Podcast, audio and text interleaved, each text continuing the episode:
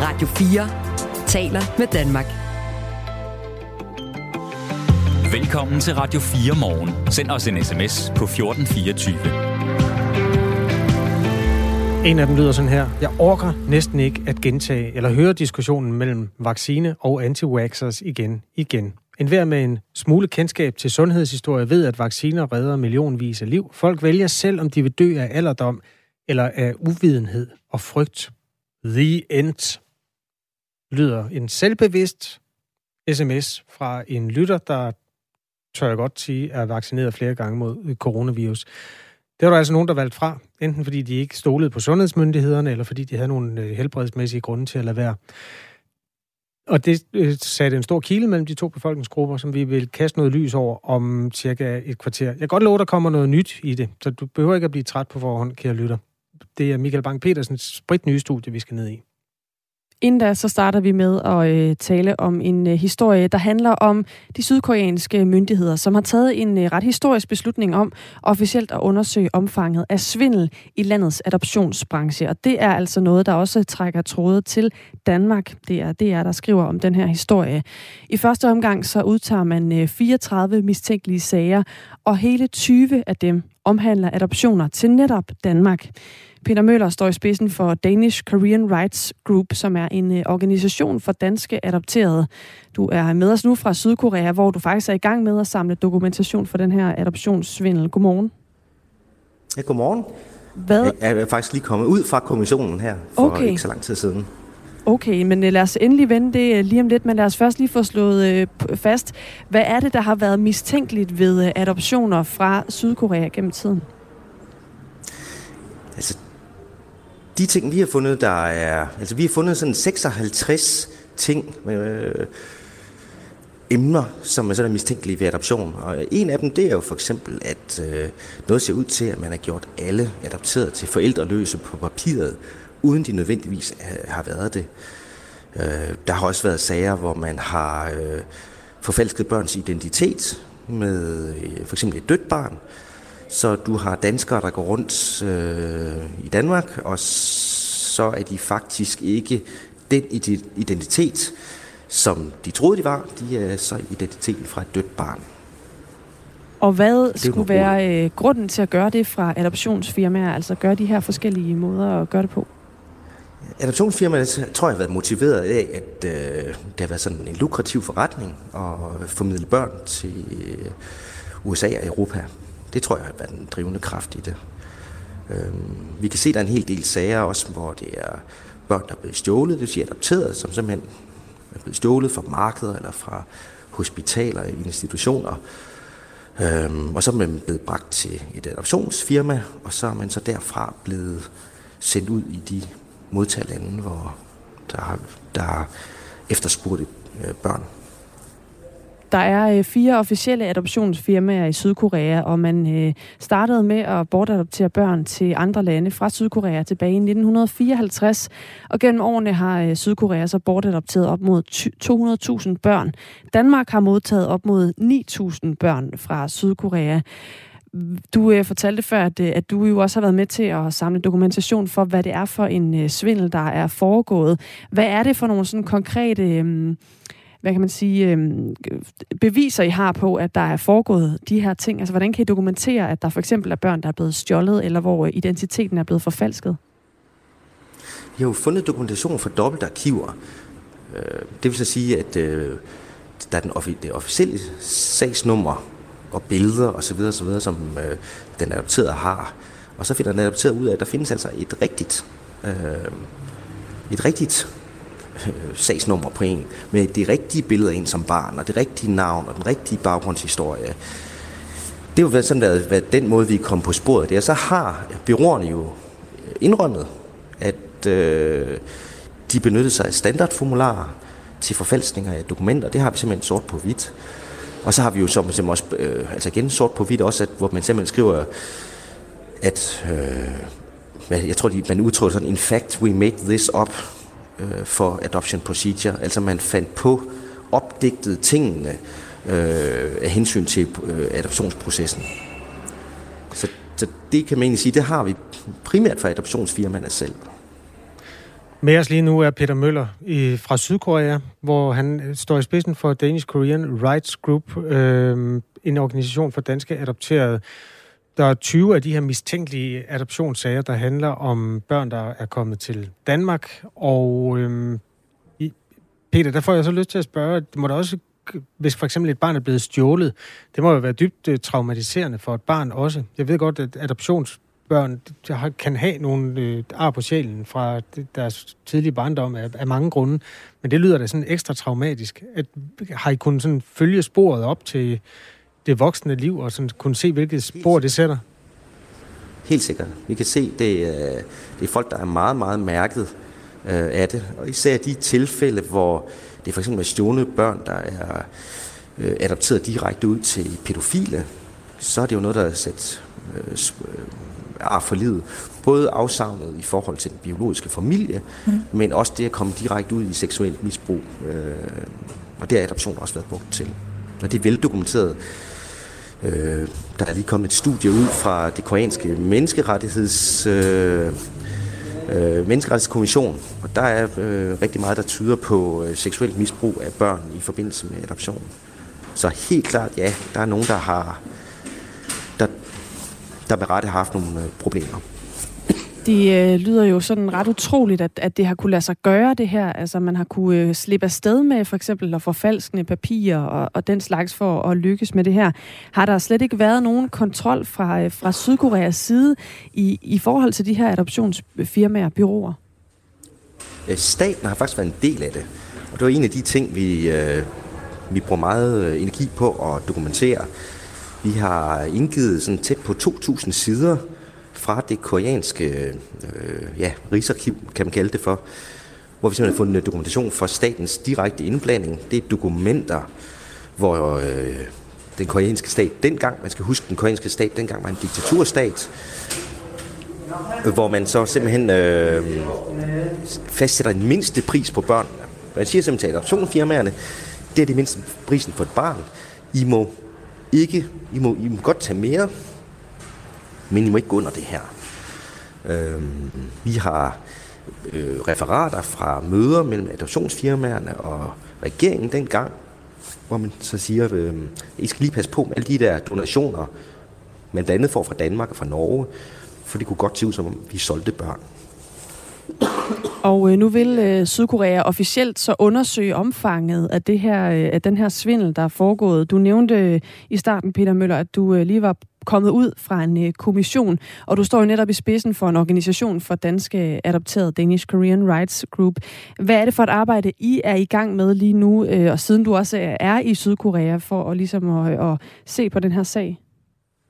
Vi, vi har afleveret de første, øh, vi, undskyld, de sidste øh, sager. Det er sådan, at kommissionen har deadline 9. december her i dag, og så er det simpelthen sidste frist for at indlevere øh, dokumenter øh, til kommissionen.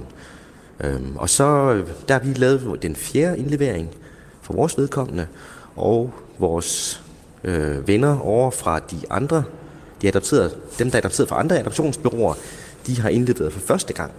Øh, så det vil faktisk sige, at alle fire byråer Øh, adopteret fra alle fire byråer. Vi har stået i, kommissionen i dag og indleveret øh, sager og anmodninger om at få undersøgt adoptioner fra Sydkorea. Så har vi haft et møde med, fordi vores sag den er jo gået i gang, haft et møde med efterforskerne, få sat ansigt på nogle af de folk, der skal efterforske i de næste mange måneder øh, adoptionerne, sagerne.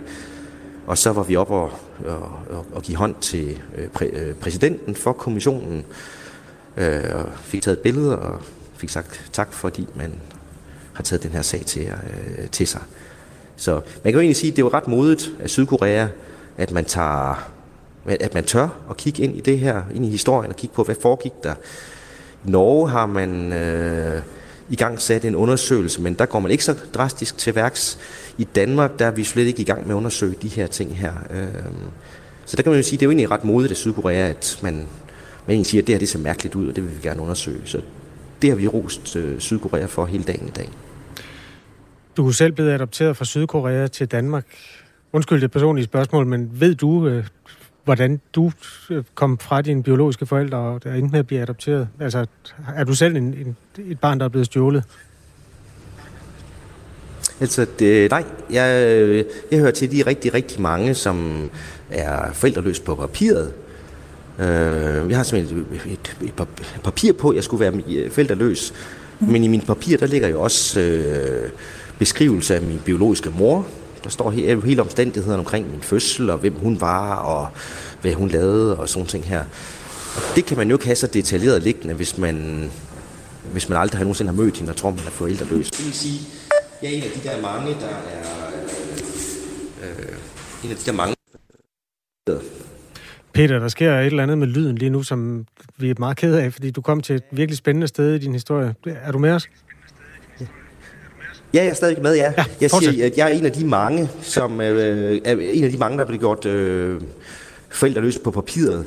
Hvor vi siger, jeg har jo simpelthen et ja, nærmest papir på, jeg, jeg skulle være forældreløs, men jeg har også nogle andre papirer, øh, hvor der står, det er jeg ikke. Øh, der er en beskrivelse af min biologiske mor, og så videre, så videre, så videre. Så det er jo det, vi alle sammen har, øh, hvor man så siger, jamen altså, du kan ikke både have papir på din biologiske familie, og så have et papirdokument, hvor der står forældreløs på. Det kan, de begge dele kan ikke være rigtigt på samme tid. Og det er jo det, vi har bedt kommissionen om at sige, øh, spørge dem om, hvad er det her for noget. Hvad, og, hvad betyder det for dig at få kastet lys over, om du er det ene eller det andet, eller om dine forældre var det ene eller det andet? Det betyder da noget for ens identitet. Det tror jeg, det gør for de fleste. Altså, øh, jeg tror, at de fleste vil kunne leve med at både være adopteret og også være forældreløs. Men jeg vil sige, man kan da altså svært være at leve med, at øh, historien lige pludselig bliver lavet om. Øh, altså, og og mit, mit det er jo sådan i de milde tilfælde, dem der finder ud af, at øh, de faktisk slet ikke er den person, det barn, som de troede, de var, det, øh, men i realiteten øh, øh, øh, et, et dødt koreansk barns identitet. For dem er det da meget, meget opslidende og forfærdeligt. Der er også dem, der finder ud af, at de så er i 3-4, altså simpelthen 3-4 adopterede, der deler samme identitet, hvor de simpelthen har den samme øh, adoptionsjournal. Der er det frygtelig irriterende, at man, øh, hvem, hvem, hvem der er hvem her på, på de her ting her. Og især de folk, der kommer tilbage til Korea, det betyder jo, at de folk her, der kommer, er forbyttet med døde børn. Det betyder jo så, når de skal ind, for eksempel hvis vil se deres adoptionspapir eller lignende, så skal de blive ved med at bruge deres det dødbares identitet. Så selvom de ved, hvem de rigtigt er fra de, de dobbelte arkiver, jamen, så skal de blive, hænger de stadigvæk på det, kan man sige, på det dødbarns navn. Og det tror jeg ikke er sjovt for, for ret mange. Øh, lidt, ja.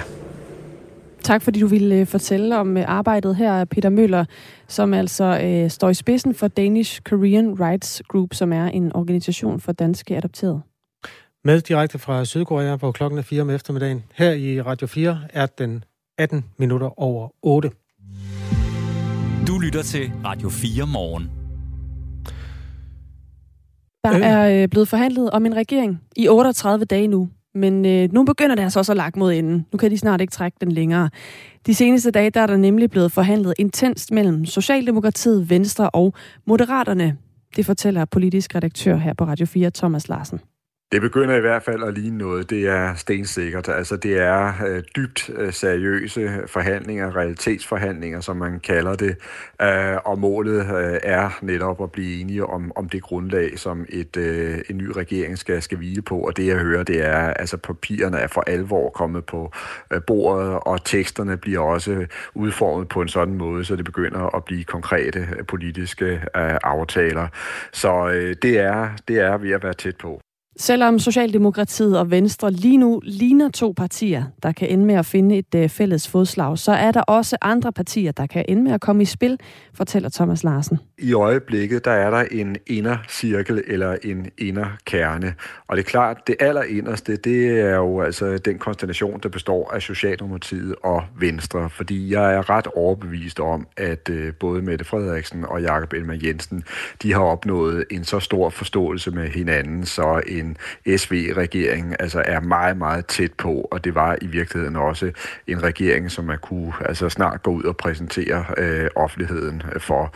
Men så kan man sige, at den næste cirkel, der er der så nogle øh, partier, som det kunne øh, måske være meget, meget hjælpsomt at få med ombord, fordi så vil regeringen kunne få et øh, flertal og dermed blive mere øh, stabil og mere øh, manøvreduelig.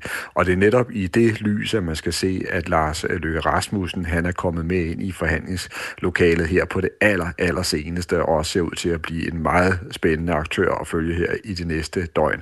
Og netop Lars Løkke Rasmussen og Moderaterne har både under valgkampen, men også her i tiden efter, været noget af en joker i dansk politik. Ser vi bare på valgkampen, så er det jo altså utroligt at tænke på, at da øh, valget blev udskrevet, der lå moderaterne faktisk ikke til at få et, øh, et særligt øh, overbevisende resultat, hvis man kiggede på, på meningsmålingerne. Men pludselig så fik han altså det her store gennembrud i løbet af valgkampen, og øh, øh moderaterne de stormede frem i, i, i meningsmålingerne, og han klarede sig også rigtig stærkt selv i de store øh, tv-debatter, blev på mange måder en, øh, en mand, mand i centrum centrum af valgkampen, øh, og der var også flere og flere, der begyndte at se, at han kunne blive den nye kongemager i, øh, i dansk politik. Og ser vi så på selve øh, valgaften, der stormede Moderaterne jo ganske helt ind i, i Folketinget. Det var en triumf for Lars Løkke Rasmussen. Og så begik han nok den lille fejl, at han holdt sin sejrstale lidt for, for tidligt, fordi på det tidspunkt, der troede han jo, at han ville blive kongemageren i, i dansk politik. Men det viste sig så sent på aftenen, at Mette Frederiksen lige præcis præcis kunne tælle til 90 mandater, uden at skulle bruge Lykke og Moderaterne. Og så blev han sådan set skrevet lidt ud af historien igen. Og ser vi så også på den tid, øh, hvor øh, man har siddet og forhandlet om at danne en ny øh, bred regering, der har det været ret tydeligt, at flere af de øvrige partiledere faktisk har prøvet at skubbe Lars Løkke Rasmussen ud af forhandlingslokalerne og har givet udtryk for, øh, i hvert fald uden for citat, at de ikke øh, var ret begejstrede for at se ham som medlem af en øh, ny regering. Men igen, så falder øh, historien sådan ud, at øh, Lars Løkke Rasmussen er ved at komme øh, stærkt tilbage lige i centrum af dansk politik, fordi først så trak øh, Søren Pape og de konservative stikket til forhandlingerne, og øh, senest har Pia Olsen Dyr og SF også forladt øh, forhandlingerne, og så er der pludselig blevet rum til Lars Løkke Rasmussen og Moderaterne. Altså den historie i sig selv er jo helt vild med, jeg ved ikke hvor mange op- og nedture undervejs. Lød det altså fra øh, vores politiske redaktør Thomas Larsen. Radio 4 taler med Danmark. Jeg var ikke skeptisk over for vacciner før corona, men det blev jeg, og jeg er så ked af, at mine unge børn følte, at de må tage en for holdet for at blive accepteret. For eksempel i skolen lyder et synspunkt fra vores lytter, M. Bak, som ja, stempler ind i den historie, vi skal ind i nu. Der er ny forskning i forhold til de der fordomme. Da jeres program var med til at grave grøft mellem folk, da I repræsenterede en meget ensidig holdning til corona, og ofte ikke læste beskeder op, som var kritiske i forhold til regeringens strategi, er der også en, der skriver. Nej, det er simpelthen ikke rigtigt, at vi ikke læste dem op, der var kritiske. Jeg har været med til at sortere i de der sms'er mange morgener, og det er rigtigt, at der kom også fra folk, der ikke stolede på, øhm, på regeringens strategi, men jeg synes egentlig, vi var ret gode til at lade det synspunkt øh, blive flaget også. Vi sorterede dem fra, hvor de påstod, at de kendte fem mennesker, der var døde, uden sådan helt at, at fortælle, øh, altså sådan dokumentere. Der var nogen, der, der sådan var over nogle grænser i forhold til sådan det mere etiske. Men synspunktet har i hvert fald været meget velkommen, og det er det altså stadigvæk her i Radio 4 morgen. Der er ny forskning på det her felt, øh, lavet af Michael Bang-Petersen, der har øh, forsket i vores øh, adfærd under corona. Et nyt studie viser, at de vaccinerede har langt flere fordomme om de uvaccinerede, end de uvaccinerede har om de vaccinerede. Godmorgen, Michael Bang-Petersen. Godmorgen. Professor ved Institut for Statskundskab. En af dem, der står bag undersøgelsen. Lad os begynde med de fordomme, som de vaccinerede har, og især har haft om de uvaccinerede. Hvordan er de? Jamen det vi kan se, det er, at, øh, at der er en tendens til, at man opfatter personer, som er uvaccinerede, som mere uintelligente og som mere øh, utroværdige end folk, der er vaccineret. Og det har øh, konsekvenser øh, i forhold til, hvordan man øh, agerer i forhold til dem, at man øh, dels så, så bryder man sig ikke så meget øh, om dem, men også at man i mindre grad er tilbøjelig til at øh, og ville have en uvaccineret person ind i ens familie, øh, og man vi kan også se, og, og det sidste, det har vi kun undersøgt i USA, men, men der er man øh, også tilbøjelig øh, til at, at sige, at sådan nogle helt fundamentale rettigheder, såsom at flytte hen, hvor man vil øh, få øh, statsborgerskab og arbejdsløshedsunderstøttelse, i mindre grad skal gælde de uvaccinerede. Det er 15.000 borgere fra 21 lande, fordelt på alle kontinenter, der er blevet undersøgt som følge af coronaepidemien, for at finde ud af, hvor stor en kløft der er opstået mellem de vaccinerede og dem, der ikke har fået nogen stik. Hvor stor en kløft er der opstået i Danmark i forhold til de andre lande, I har undersøgt? Vi kan se, at, at Danmark er et af de lande, hvor at øh, der er øh, sådan relativt udbredt øh, negative fordomme omkring uvaccineret. Og, og det hænger sammen med, at, at vi kan se lande, som har øh, undgået mange dødsfald øh, under coronakrisen, at, øh, at der er flere fordomme mod de uvaccinerede, men også i lande, hvor der er sådan en, en stærke samarbejdsnormer, som øh, Danmark har med høj grad af tillid, der er der flere fordomme. Og det hænger sammen med, at, at noget af det, der driver fordommene, det er, at de vaccinerede, de netop siger, jamen, vi har taget en forholdet, vi er gået ned og fået det stik, og det var ikke særlig rart, men vi har gjort det for fællesskabet. Og så bliver man enormt vred og frustreret over dem, som man føler ikke gør det, som så at sige vil snylte i anførselstegn på, øh, på, på ens egen øh, bidrag til fællesskabet. Teorien om, at man kunne gøre noget for fællesskabet ved at tage et vaccinestik, fordi så ville man ikke længere bære rundt på smitte, det, det blev jo også noget gennemhullet, for det viste sig, at man kunne godt blive smittet, og man kunne også give smitten videre. Øh, hvad, har det slet ikke betydet noget for de her øh, opfattelser af, hvordan andre mennesker har taget et andet valg, end man selv har gjort? Øh, det, det ser ikke sådan øh, ud, fordi den, øh, det første studie, vi, vi lavede, det er jo sådan en, en samling af flere forskellige undersøgelser, det her. Den første undersøgelse, den lavede vi, da omikronbølgen var på sit højeste, og det var der, det, det så at sige gik op for, øh, for folk, at, øh, at de her vacciner, de, øh, de beskytter ikke særlig godt mod, øh, mod smitte. Og vi lavede også nogle, øh, nogle af delundersøgelserne senere ind i, øh, i foråret 2022, øh, hvor at, at det igen var, var relativt øh, udbredt viden. Så, så man kan sige, at folk de, de tænker ikke, øh, eller de har ikke ligesom taget denne her information ind om, at vaccinerne ikke beskytter så meget mod smitte i den måde, de, øh, de tænker på de her ting på. Man kan så også sige, at, at der kan alligevel være noget at have den frustration i, fordi hvis du er uvaccineret, så har du haft større sandsynlighed for at ende på hospitalet, så man kan sige, at de uvaccinerede har været med til at lægge et større pres på hospitalsvæsenet. Øh, men, men, det, men det ser altså også ud, og det kan vi direkte kigge se i vores data, at de vaccinerede frygter også direkte smitte fra de, fra de uvaccinerede. Nu har vi brugt lidt tid på at tale om de fordomme, der var over for de mennesker, der tog det andet valg, altså ikke at følge sundhedsmyndighedernes anbefalinger og sprang stikket over. Der eksisterede jo også fordomme den anden vej rundt. Nogle af de fællesskaber, der var omkring modstand mod vaccinen, eller skepsis over for den, øh, derfor blev der jo sådan, lagde mærke til øh, sådan et sprogbrug omkring, at dem, der tog den, var nogle for. Det var sådan et, et meget illustrativt billede. Der blev lavet en masse memes på den der, som også blev cirkuleret blandt uvaccinerede, om de vaccinerede. Altså, at man var et for, fordi så var man et, flokdyr, der bare bræne fuldt efter, hvilken vej flokken end gik. Hvordan kunne I måle, at der var færre af den slags fordomme, end der var fordomme, der gik den anden vej? Jamen, vi kiggede øh, så at sige på, på de samme ting, altså hvordan er det, man opfatter, øh, hvordan er det, de uvaccinerede opfatter de vaccinerede? Mener de, at de er intelligente og tillidsfulde? Øh, er det Øh, har man lyst til at interagere med dem? Har man lyst til at fratage dem øh, forskellige rettigheder? Og, og der, kunne vi bare, der kan vi bare konstatere, at, øh, at det ser vi øh, kun i, i, i meget, meget øh, lille grad. Øhm, og det overraskede os egentlig, fordi vi havde samme indtryk, at øh, når man... Øh, når man øh, ser på, på de sociale medier, jamen så er debatten relativt øh, ophedet fra begge sider af, øh, af sagen, kan man sige. Men det der, øh, det, det som det her minder os om, det er jo, at man skal passe på med at generalisere fra, hvad der sker på de sociale medier, til hvad en, en gruppe bredt set tænker, fordi det er de mest ekstreme og de mest yderliggående personer af en gruppe, der ofte vil være dem, der, der kaster sig ind i debatten på, øh, på eksempelvis Facebook eller Twitter.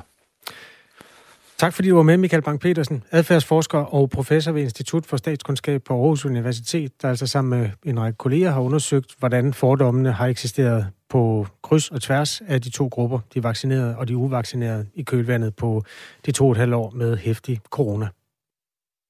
Nu er øh, klokken halv ni, og Thomas Sand har ordet. Nu er der nyheder på Radio 4. Hvis man skal sælge sin bolig, skal man i stigende grad væbne sig med tålmodighed. I takt med, at udbuddet af boliger vokser, er også udbudstiden steget de seneste måneder, det viser tal fra Finans Danmark. Det betyder blandt andet, at den gennemsnitlige udbudstid for huse i og omkring København i november sne sig op over 100 dage. På landsplan var et hus i gennemsnit til salg i 183 dage i november mod 175 i oktober. Billedet gentager sig, hvis man ser på ejerlejligheder. Her går det dog lidt hurtigere. På landsplan tog det i gennemsnit 145 dage at sælge en ejerlejlighed i november mod 137 dage i oktober. Til sammenligning tog det for et år siden i gennemsnit 128 dage at sælge en ejerlejlighed. Den stigende udbudstid passer dermed til resten af billedet på boligmarkedet, hvor der er færre købere. Ifølge cheføkonom i Arbejdernes Landsbank Jeppe Juhl Borger hænger det sammen med de stigende renter, der til trods for flere valgmuligheder og lavere priser, gør et boligkøb til en dyrere fornøjelse end tidligere.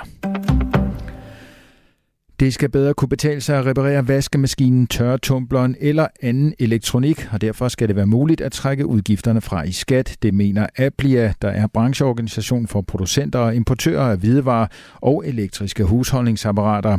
Ifølge Henrik Ede, der er direktør i Aplia, er det en god idé, at forbrugerne kan trække reparationer fra i skat, fordi mange forbrugere faktisk gerne vil reparere deres hvidevarer. Minimum hver fjerde dansker forbruger vil rigtig gerne reparere øh, hvidevarer, øh, når de går i stykker.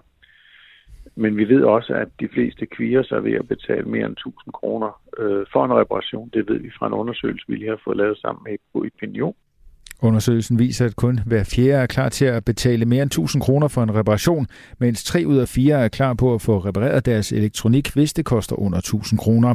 Det er ikke alle produkter, der er egnet til genbrug, fortæller Henrik Ede. Det er noget, der skal tages stilling til fra produkt til produkt, hvad der kan betale sig. Men vi ved også, at der nogle gange bliver øh, kasseret hvidevarer, hvor de godt kunne have et ekstra liv. Og der arbejder vi på forskellige måder med øh, at kunne give dem et ekstra liv, både gennem reparation og gennem genbrug. Så selvfølgelig skal folk, folk, forbrugerne skal købe det, de gerne vil. Det kan være nyt, eller det kan også være genbrugt eller reparere det, de har. Vi er interesseret i, at hvidvarer og den slags produkter, køkkenapparater, bliver set på som varer i forbrugsgoder og ikke som sådan noget øh, brug og smid væk øh, produkter. Forbrugerrådet Tænk er helt på linje med jeres forslag, det fortæller chefkonsulent i bæredygtig forbrug, Vagn Jelsø. Der er nemlig en stor samfundsmæssig interesse i at få produkter til at holde længere. En af de ting, man kan gøre for at fremme, at folk i højere grad øh, reparerer ting, i stedet for bare at købe noget nyt, når ting går i stykker, det er jo at gøre det billigere at reparere, fordi at vi ved, at det folk siger, når man spørger dem, hvorfor de køber noget nyt i stedet for at reparere det, så er det fordi, de siger, at det er for dyrt at reparere. Det sidste fly fra flyselskabet Danish Air Transport DAT på ruten mellem Karup og København ventes i dag at afgå. Det sker, da aftalen mellem Midtjyllands Lufthavn og DAT udløber. Aftalen er ikke blevet forlænget, fordi flyselskabet ikke længere mener, at ruten er rentabel. Det skyldes for få passagerer og for høje brændstofpriser. Da det er den eneste rute til og fra lufthavnen, er hovedparten af lufthavnens medarbejdere blevet varslet afskediget. Midtjyllands Lufthavn har for nylig udtalt i en pressemeddelelse, at der forhandles med en ny operatør, som hvis forhandlingerne lykkes, skal stå for flyvninger til og fra Karup. I dag mest skyde og spredte sne og sludbyer, men også mulighed for lidt sol indimellem. Vi får temperaturer op mellem frysepunktet og 3 graders varme. Der er mange steder risiko for sne og isglatte vejbaner. Du lytter til Radio 4 morgen. Husk, du kan skrive en sms til os på 1424. Jeg var den sidste gruppe, der fik tilbudt vaccinen. Jeg er ikke digital borger. Jeg forsøgte at blive vaccineret tre gange gennem min eneste kontakt til sundhedsvæsenet, min egen læge. men fik at vide, at det havde de ikke noget at gøre med. Jeg har arbejdet med at vaccinere dyr. Man kan ikke bruge min historie til meget, udover at der er mange flere grupper end vaxer og anti-vaxer, skriver Tommy ind på sms'en. Er det et fint input i kølvandet på det stykke forskning, der blev lagt frem før nyhederne? Altså om, at øh, var målbart mere skeptiske over for dem, der ikke havde fået vaccinen, end den modsatte vej. Der eksisterede fordomme begge veje, men der var altså sådan en vis eksklusion i vores samfund, som øh, der nu er blevet gjort status over. Og det er en meget fin måde at sige det på, at der er, der er nogen, der larmer rigtig meget, og har deres grunde til ikke at vælge vaccinen, men der kan også være nogle helt praktiske grunde til, at man aldrig fik det stik. Tommy han har skrevet på 1424, og det må man altid gerne. Radio 4 taler med Danmark. Det får nu konsekvenser for Carlsberg, at Berlingske i går kunne afsløre, at der stadig bliver solgt øl med deres logo i Rusland. Fordi på beværtningen Gårdhaven i Rudkøbing på Langeland, der er det slut med produkterne fra Carlsberg. Det skriver de på Facebook, hvor de uddyber det sådan her. Vi kan ikke med god samvittighed og en god smag i munden sælge produkter fra en virksomhed, der fastholder et engagement, som sætter økonomi over menneskeliv. Godmorgen, Carsten Holm. Godmorgen. Indehaver af Gårdhaven i Rudkøbing, og også radiovært på DR, hvor nogen måske kan kende din stemme fra. Ja. I solgte ikke øl fra Carlsberg, men øh, sodavand og andre alkoholfrie produkter produceret af Carlsberg, for det er jo et stort bryggeri, så de producerer mange forskellige ting. Men det er slut nu. Hvordan kan det være, at I ikke længere vil sælge de her produkter? Fordi øh, Carlsberg fastholder det her engagement i, øh, i Rusland, og øh, det synes vi ikke er er moralsk øh, korrekt. Det er i hvert fald ikke nogle, nogle værdier, som vi egentlig har lyst til at være en del af. Og vi er jo så kunder hos Carlsberg, og så tager vi konsekvensen af det. Og det er måske ikke de store konsekvenser, fordi i det her spil, der er vi jo en lille bitte, bitte, bitte fisk, altså. Fordi vi ikke har solgt særlig mange øh, produkter derfra.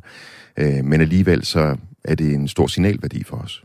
Carlsberg var jo også i modvind allerede tilbage i marts måned, hvor de øh, først efter en måned besluttede sig at trække sig ud af det russiske marked. Altså der kom udmelding om, at det ville de gøre. Ja. Hvorfor fjernede I ikke øh, produkterne dengang? Der var alt jo også øh, fuldstændig nyt i forhold til det her med den russiske invasion i, i Ukraine. Og alle skulle også ligesom finde nogle, nogle ben at stå på. Og øh, der skete også mange ting. I den periode fik vi også besøg af en fyr, der hedder Sergej, med hans øh, kone, som var flygtet fra Ukraine, og på et tidspunkt var Sergej som kok også tilknyttet gårdhaven. Og, øh, og vi lyttede også til, til hans historier, øh, og ville egentlig også tage nogle konsekvenser af dem. Så kom Carlsberg som en udmelding, at de ville droppe produktionen i Rusland. Og øh, indtil de droppede produktionen produktion i Rusland, så ville de give det overskud, som de så ville tjene på produktionen i Rusland til nødhjælpsorganisationer. Og øh, i oktober måned i år, så kom det så frem, at øh, det havde de faktisk ikke tænkt sig at gøre alligevel, det her med at donere til nødhjælpsorganisationer. Og så begyndte vi også at tænke lidt på, hvad skal, skal vores engagement øh, hos Carlsberg så egentlig fortsætte? Og så, øh, så gav det næsten sig selv, da det blev meldt ud her i forårs, at de stadigvæk producerer i Rusland. Det er Berlingske, der har været rundt på en tur i otte supermarkeder og kiosker i Ruslands hovedstad Moskva. Og øh, her fandt øh, avisen øl, som for ganske nylig er produceret på Carlsbergs bryggerier i Rusland. Carlsbergs eget mærke, det er stort set forsvundet fra hylderne, men så er det, man stadig kan finde en række udenlandske mærker, som er ejet og produceret af Carlsberg. For eksempel øh, den, der hedder Kronburg og også Brooklyn Brewery. Og omkring en måned efter Ruslands invasion af Ukraine, der sagde Carlsberg Carlsberg jo netop, at øh, man ville øh, forlade Rusland fuldstændig. Det lød også, at man ville øh, fortsætte den nuværende drift hos Carlsberg, indtil der er fundet en køber i Rusland, og så ville man også, som du var inde på her, Carsten Holm, øh, give overskuddet fra den russiske forretning til nødhjælpsorganisationer, mens krigen er i gang. Og det var så i oktober, Berlingske kunne skrive, at man ikke havde doneret de her penge til velgørenhed. Men argumentet for, eller grunden til, at man har valgt fra Carlsbergs side, ikke bare fra den ene dag til den anden at trække sig ud af Rusland, er jo også, at der er en masse ansatte her, som i og for sig øh, er afhængige af det her, og som jo principielt måske heller ikke rigtig er skyld i den her krig. Tænker du ikke, at det kan være en okay grund til, at man ikke fra den ene dag til den anden lukker al produktion ned? Det synes jeg da helt klart er en, en meget sympatisk øh, måde at, at gå til det på. Men man kan også sige, at der er stor kontrast i forhold til de konsekvenser, som den her krig den har. Og der er jo rigtig mange vestlige firmaer, som prøver at sno sig uden om russisk engagement i de her tider hvor det er, at de prøver at, at stoppe noget produktion eller import af varer fra Rusland, og dermed ikke give noget økonomi til, til, øh, til den russiske øh, ja, samfundsøkonomi, kan man sige. Øhm, og jeg er da heller ikke ude på at skulle fyre en masse russiske folk, og at mange familier, som måske kommer til at stå uden indkomst. Men kontrasten er jo så, at den her krig, den resulterer i nogle helt, helt andre omkostninger for nogle andre mennesker, som øh, dels naturligvis bliver dræbt, men, øh, men også øh, mister deres børn og deres forældre, øh, deres hjem og deres, øh, simpelthen hele deres liv. De er blevet drevet på flugt. Og øh, det synes vi i hvert fald ikke er særlig moralsk korrekt at også ligesom tænke på den måde, at de Carlsberg i det her tilfælde gerne vil have en levedygtig øh, virksomhed og kunne sælge videre, som er det argument, som øh, de i hvert fald har udtalt til Berlingske, øh, og at de så på den måde også ligesom vil bibeholde arbejdspladser for russiske medarbejdere. I solgte, som jeg sagde før, ikke øl fra Carlsberg, men øh, sodavand og nogle andre alkoholfri produkter, som bliver produceret af Carlsberg. Er det overhovedet noget, I kommer til at savne? Altså er det noget, I kommer til at mærke, at I ligesom laver det her boykot? Altså, vores kunder og gæster, de kender jo udmærket godt de her produkter. Øh, det er, jo, det er jo kendte produkter, fordi det er jo cola, og det er Cola Zero, det er squash. Øhm, men vi er allerede øhm, i gang med at lave aftale med, med nye leverandører, så kan vi også bruge den her tid til ligesom at kigge rundt, hvad er der ellers af, af produkter. Øhm, og i forvejen har vi på ølfronten en masse lokale øh, leverandører af lokale øh, produkter, lokal, lokal øl, og jeg tænker også, at vi, øh, vi nu her bare kigger på, hvad er der egentlig af danske producenter på det her marked. Men med det en mente, er det så også øh, lidt en øh, god måde at få omtale på, når man laver et Facebook-opslag, hvor man sådan meget tydeligt tager afstand fra det her, uden det jo ikke sådan egentlig har de helt store konsekvenser for dig og, og din øh, beværtning? Det er i hvert fald en besked til vores gæster om, hvad det er for et sted, vi er. Øh, og vi har også et klistermærke på døren, hvor der står, at vi er et LGBT-miljøvenligt øh, sted. Øh, fordi det er også et signal at sende til vores gæster, så folk ligesom ved, hvad vi er for, for et sted. Så, så det synes vi i hvert fald er vigtigt. Med det, du ved nu, vil du så ønske, at I allerede dengang i marts, hvor det først kom frem, at, at Carlsberg kom i modvind, havde, havde trukket øh, jeres Carlsberg-varer væk fra hylderne? Nej, det tror jeg måske, det det lige dramatisk nok at tænke på det på den måde. Øh, men nu har vi i hvert fald taget den her beslutning, og den, øh, den er vi faktisk glade for. Har du øh, kontaktet Carlsberg? Ja, vi har skrevet til Carlsberg og sagt, at vi, øh, vi har droppet vores øh, engagement med den begrundelse, som vi også har givet til vores gæster på vores sociale medier. Har de svaret? Nej, ikke endnu. Ikke endnu? Det kan vi, være, de... Øh... Vi sendte det i går eftermiddag. Okay, så de har, skal også lige måske have tid til at nå at, at læse det. Jeg tror også, at der er kommet masser af henvendelser til Carlsberg, det kunne jeg forestille mig. Ikke på baggrund af vores opslag, men bare på baggrund af det, de har udtalt til Berlingske. De produkter, I så har på stående, går ud fra, man har jo et vist lager af Carlsberg-produkter. Ja. Hvad kommer der til at ske med dem nu? De kommer til at være ude på lageret, og så øh, finder vi ud af med Carlsberg, om de har lyst til at tage dem tilbage. Tak fordi du ville komme og fortælle om øh, det, Carsten Holm. Velbekomme. Indehaver af Gårdhaven i Rudkøbing og radiovært på DR.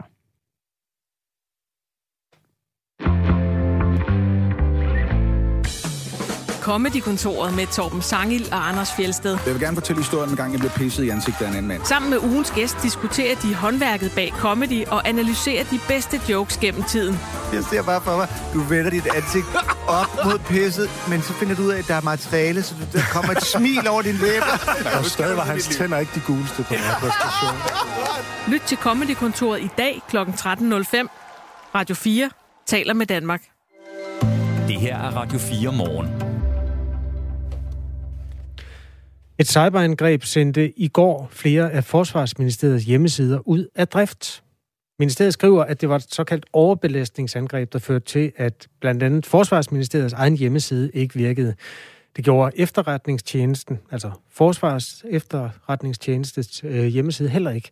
Og Center for Cybersikkerheds hjemmeside var, ironisk nok, også ude af drift. Øh, kl. 20 var det igen muligt at komme ind på de her hjemmesider. Forsvarsministeriet øh, skriver på Twitter, at øh, det vurderes at være et teknisk problem i første omgang, men senere fandt man frem til, at det var et såkaldt overbelastningsangreb.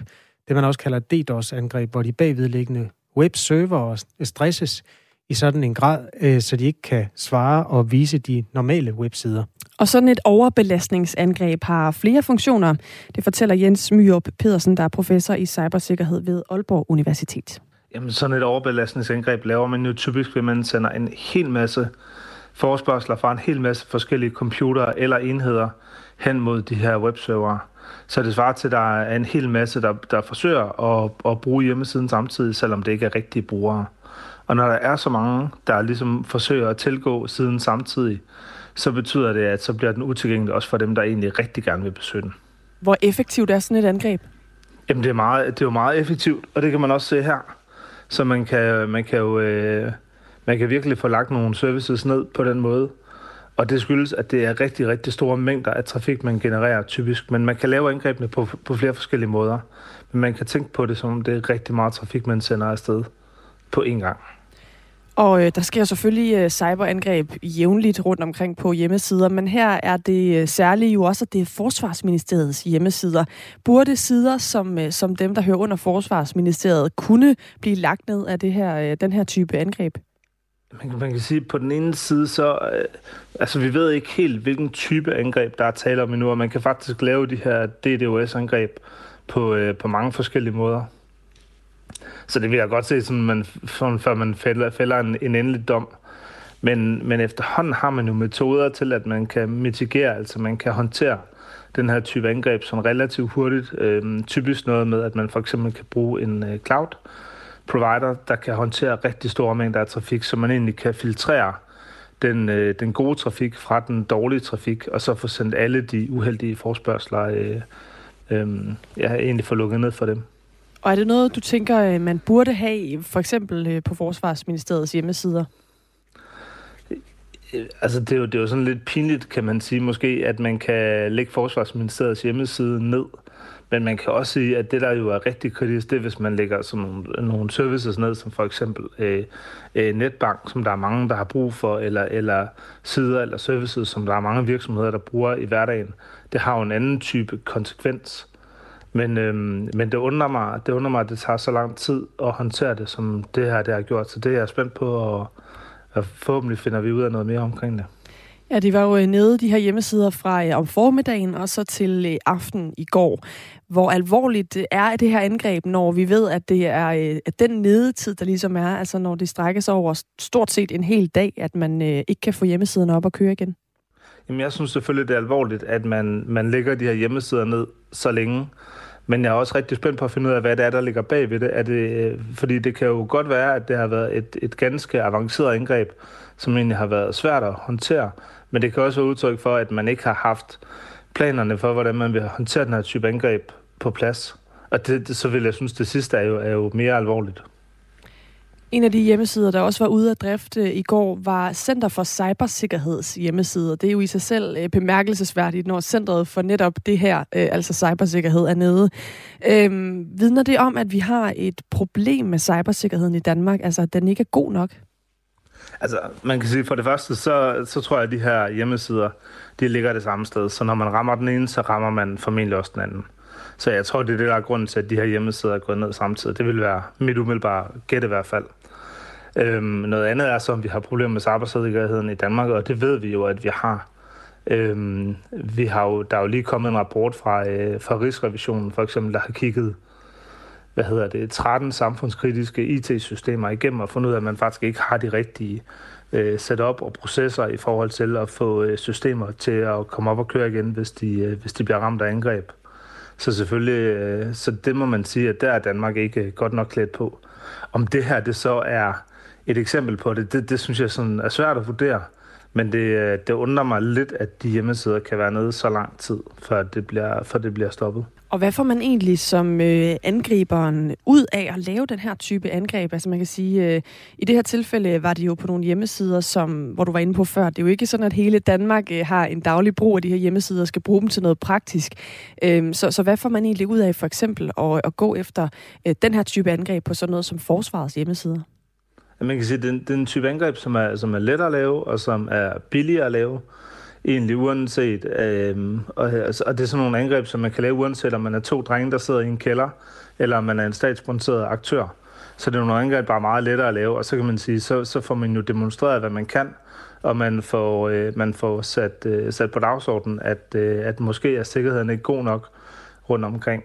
Og man har set rigtig mange af den her type angreb, også i forbindelse med krigen mellem Rusland og Ukraine, fordi det er nogle angreb, der er relativt lettere at gennemføre. Torsdag i sidste uge, der blev det svenske forsvar udsat for et lignende angreb, og også øh, i sommer, der blev en række hjemmesider, der er tilknyttet det norske forsvar, ramt af sådan et øh, DDoS-angreb, et overbelastningsangreb. Og øh, dengang, der anklagede man en øh, pro-russisk hackergruppe for at stå bag. Hvis vi vender øh, blikket mod Danmark og det, der skete på, øh, på det danske forsvarsministeriets hjemmesider, øh, blandt andet i går, øh, hvem kan så have stået bag sådan et angreb her? Jamen, det er der så mange forskellige grupper, der, der, der vil kunne. Altså, det virker selvfølgelig sådan... Øh, I øjeblikket, så, til, så vender man selvfølgelig blikket mod, øh, mod Rusland og tænker på, på den konflikt. Og vi ved også, at der er rigtig mange angreb, der bliver brugt. Øh, ja, både fra russisk side, men egentlig også imod Rusland.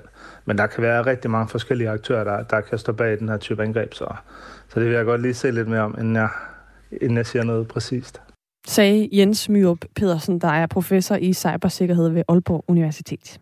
Der er 15 dage til juleaften. Der er 10 minutter til klokken bliver 9.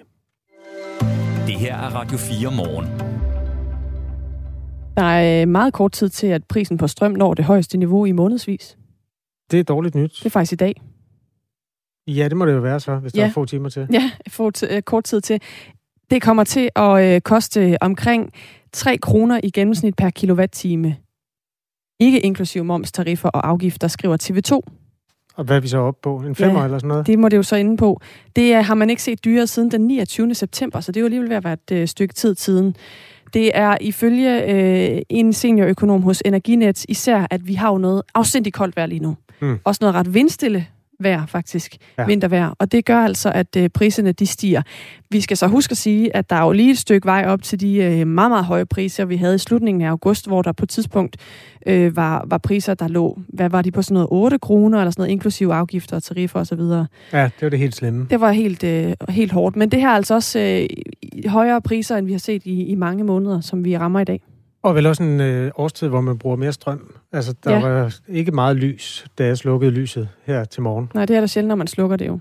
Nå, men der er nogle gange, der er sådan naturligt lys fra solen. Oh, ja. Og det er der mere af i august. Det var bare lige en betragtning på det felt der. Okay, øh, det var dagens dårlige nyhed. Det bliver dyrt at bruge strøm. Vi har simpelthen øh, efter bedste evne vendt alle de vigtige og væsentlige historier, der var i nyhedsbunken i dag så plejer vi lige at rydde op med de uvæsentlige. Har du noget til bunden af nyhedspunkten? Jeg skal har jeg finde et eller andet? faktisk en lille god en også. Ja, altså en god nyhed for nogle mennesker. Det trænger til. Der bor 3.788 mennesker i en lille flamsk by, der hedder Olmen, hmm. ved grænsen til Holland. Ja, vel. 165 af dem. De kan glæde sig over sammen og have vundet mere end en milliard kroner. Hold da kæft. Det er sådan rent taget ud af en eller anden øh, film fra nullerne. De har øh, betalt ind til sådan en fælles spillepulje i den lokale kiosk, og nu er de simpelthen vundet i sådan en Euro Millions lotto-kupon. Og det svarer sig til, at de får omkring 6,5 millioner kroner hver, de her mennesker. Hold da Er det ikke fast. fantastisk? Jo, det er fantastisk, men det er også et super spændende eksperiment, fordi det vil sige, det er cirka hver 20. i den der lille by, mm. der pludselig bliver mange millionærer. Ja. Og 19 ud af 20, altså ikke mange millionærer. Altså hvis man kunne sende et hold af sådan nogle Michael Bang-Petersen-typer ned, og ja. prøve at se, hvad gør det ved de sociale konstruktioner? Ja. Hvad sker der? Hvor mange venskaber kan overleve, at øh, man er, og er så forskellige lige pludselig? Og hvad med ham, der har lige for i måned sagde, ej, ved du hvad, vi vinder alligevel ikke en skid. Jeg melder mig ud af den klub. Jamen, man vil være nødt til at flytte fra byen. flytte fra verden, vil jeg nærmest sige, hvis man går glip af 6,5 millioner kroner. Ja, det er ja, Det er ret fantastisk for dem. Olmen. Og for de andre. Ja. Olmen, Olmen. Hvordan vil du sige det på flamsk? Ja, det vil være noget, Olmen. der var den. Ja, der var den. Ja. Det er fredag, og før vi runder Radio 4 morgen af og lige redder op til øh, Ring til Radio 4, så skal vi aflytte Nationen telefonsvaren. Det har været en begivenhedsrig dag, og, eller uge. Jeg tror, der er en på Vestjylland, der har meget på hjerte. Du har ringet til Nationen-telefonen. Læg venligst din holdning efter bippet. Ja, det er Palle fra Kalmborg. Nå, så er december måned over os, og det betyder jo hvad anden tro, at der skal åbnes julekalender, udnævnes drillenæsser, pyntes op, købes julegaver, spises julemad, høres julemusik, iføres sjove julestriksvætter, pynte Toyota Aygoen med randstyrke og rød næse, tales om julestress, pives over muslimer, der ikke pynter op, og diskutere, hvor meget mad vi reelt behøver at æde, gerne anført af en eller anden livsstilsmotionshelgen med nævnyttig radikale venstre i ascendanten, der er så fint på den, at vedkommende tørre tørrøven, før han hun skider. Kort sagt, Vi har ramt den absolut mest hæslige måned på året. Måske kun lige for fuldt af april hvor de første psykopater begynder at drikke fadøl udendørs i korte ærmer, fordi en stribe kraftfremkaldende UV-stråler trænger igennem masserne af grå skyer, der ligger som en nedsænket tissekone over danskernes ansigter, som en ikke gensidig 69'er. Men nu gælder det altså december i al dens gyslighed. For udover de førnævnte ting, som er emner, der kører i rotation fra slut november og frem til nytår, så er det også nu, at vi alle sammen skal til fucking julefrokost! Jamen Palle, det er da hyggeligt og skønt og ikke mindst skide sjovt. Det er da bare så dejligt at slippe hæmningerne og feste med ens gode kollegaer og få noget godt at spise. Jeg håber, du bliver kvalt i en dårlig pebernød, din gennemsnitlige lortedansker. Af hvad for noget, Palle? Jeg siger, jeg ønsker dig intet godt, din sølv lille pisnisse. Nedfældning af regnskoven, holocaust og julefrokoster er de tre absolut mest horrible menneskeskabte skampletter, denne klode har oplevet. Og nej, ikke engang Nykøbing Falster-revyens årlige julesang kommer i nærheden af de førnævnte katastrofer. Jeg kan ikke beskrive med ord, hvor meget jeg fucking hader julefrokoster. Men lad mig for helvede prøve, nu du sidder der med din 9. klasses afgangseksamen og ufaglærte og underbetalte job og synes, at Palle skal være statsminister. For det første, springer i øjnene, er det faktum, at man skal være sammen med sine kollegaer uden for arbejdstiden, hvilket svarer til at skide i sengen og sove i det bagefter. Intet kunne ligge mig fjerner end at se dem spise flæskesteg i det, de ynkeligt har valgt at kalde for deres pæne tøj. For hvis ikke Jimmy og Ivan forlaget kommer anstigende i deres kortærmede og ternede skjorter fra din tøjmand, der er spændt til bristepunktet over deres diabetes 2-ramte fedtdunke med tilhørende sorte vrangler bukser og et par behagelige ekosko, så dukker selv samme flæskevingummi op, iført nissehur, gern fra Tuborg med blinkende kvast, og Kina-fabrikeret polyesterslips med julemandsmotiv og så mange lysdioder og dyt botblink, at de ligner en åben bæks. Og Ulla og Dorte fra HR er ikke for fem flade stykker røget laks bedre. I dagens anledning har de enten taget et pyntet og dødt stykke græn i håret for at vise, at der er masser af spral i dem. Eller også, så kommer de anstigende i et så udfordrende antræk, at selv David Tras får lyst til at råbe, Fisse! Og så går festen ellers i gang. Gerne med en hjemmelavet sang, der går på på loftet sidder næsen. Men Ole ned for regnskab er en ære i røv, der sparer på alt, helt uden at tøve. Han er så pisse kedelig og aldrig sjov. Han skulle skydes, hvis chefen gav os lov. I takt med, at sild, flæsk og sovs bliver indtaget eller spildt på patterne og blinkeslips, så stiger stemningen, som består af lige del ufortyndet liderlighed og trang til at tæve nogen, til de ligger stille, gerne nogen nede for regnskab. Ullas kavalergang er nu dybere end Marianergraven, og hendes pågående attitude over for den hyrede spilmand er så utvetydig overgrebsagtig, at selv Frank Jensen havde trukket sliktøjet til sig i respekt. Dorte sidder og græder, fordi hun bare er helt sikker på, at hendes kat Mariah skal afle aflives, og hun også er helt sikker på, at hun selv ryger ved næste fyringsrunde. Ivan har trængt Ole for regnskab op i hjørnet, hvor han under tung sprut og sylte ud i skærmen på den introverte regnedreng, som får barndommens traumer bragt op til overfladen i en grad, der gør ham til kvart i skoleskyder. Jimmy brækker sig i en håndvask, samtidig med at idioten insisterer på at synge med på Do They Know It's Christmas. Og ellers, ellers sidder det brede udsnit af danskerne rundt ved bordene og lad snapsen sive ind i deres i forvejen hårdt prøvede lapper og taler om, hvordan det er perkernes og Socialdemokraternes skyld. Det hele snart ender galt. På nær selvfølgelig Hamza og Asmar fra kontoret, som jo er nogle af de gode perker, fordi de ikke er Socialdemokrater og godt gider at hygge sig, selvom de ikke spiser gris og ikke aner, hvad de går glip af. Og bedst, bedst, så man tror, man kan snige sig ud af bagdøren og hjem til 22-nyhederne og et par joggingbukser samt en late-night-spiller. Så kommer Michael ud fra vagten og synes, at man lige skal høre den nyeste med Palle fra Kalmborg. Fuck mig, jeg hader julefrokoster! Og det, din kopierede røv, det var, ja, Palle fra Kalmborg, og undskyld. Ja, det var måske ikke for meget lige at slutte med det. Øh, halvandet minut til klokken slår ni.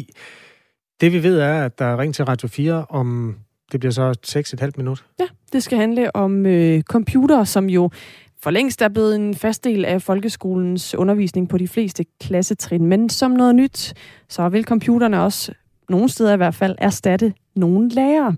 I Vejen Kommune, der har man i hvert fald i byrådet vedtaget et spareforslag, som går ud på at frigive lærere og dermed indføre lærerløs undervisning, hvor eleverne altså i stedet for en lærer har en computer. Det vil de gøre fra 7. klasse. Og derfor så skal øh, man øh, i Ring til Radio 4 i dag byde ind. Du skal byde ind, hvis du har en holdning til, om det er en god eller en dårlig idé at indføre lærerløs undervisning i folkeskolen. I Tyskland er man ved at slikke sårene efter øh, det, der var tilløbet til en form for statskup, og 3.000 øh, politifolk fik jo altså forebygget det her. Det kommer til at fylde meget i udlandsmagasinet Verden kalder, hvor vores kollega Stine Krohmann Dragsted blandt andet har talt med et øh, ungt medlem af forbundsdagen, en socialdemokrat, som jo faktisk var en af dem, der ville blive kidnappet, hvis det her det var blevet til øh, virkelighed.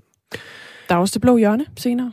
Ja, åh oh, gud ja, for regeringsforhandlingerne. Ja, der må være nok at tale om i Ja. ja. det blå hjørne i dag 11.05. Anne Philipsen og øh, Kasper Harbo kan ønske dig en god fredag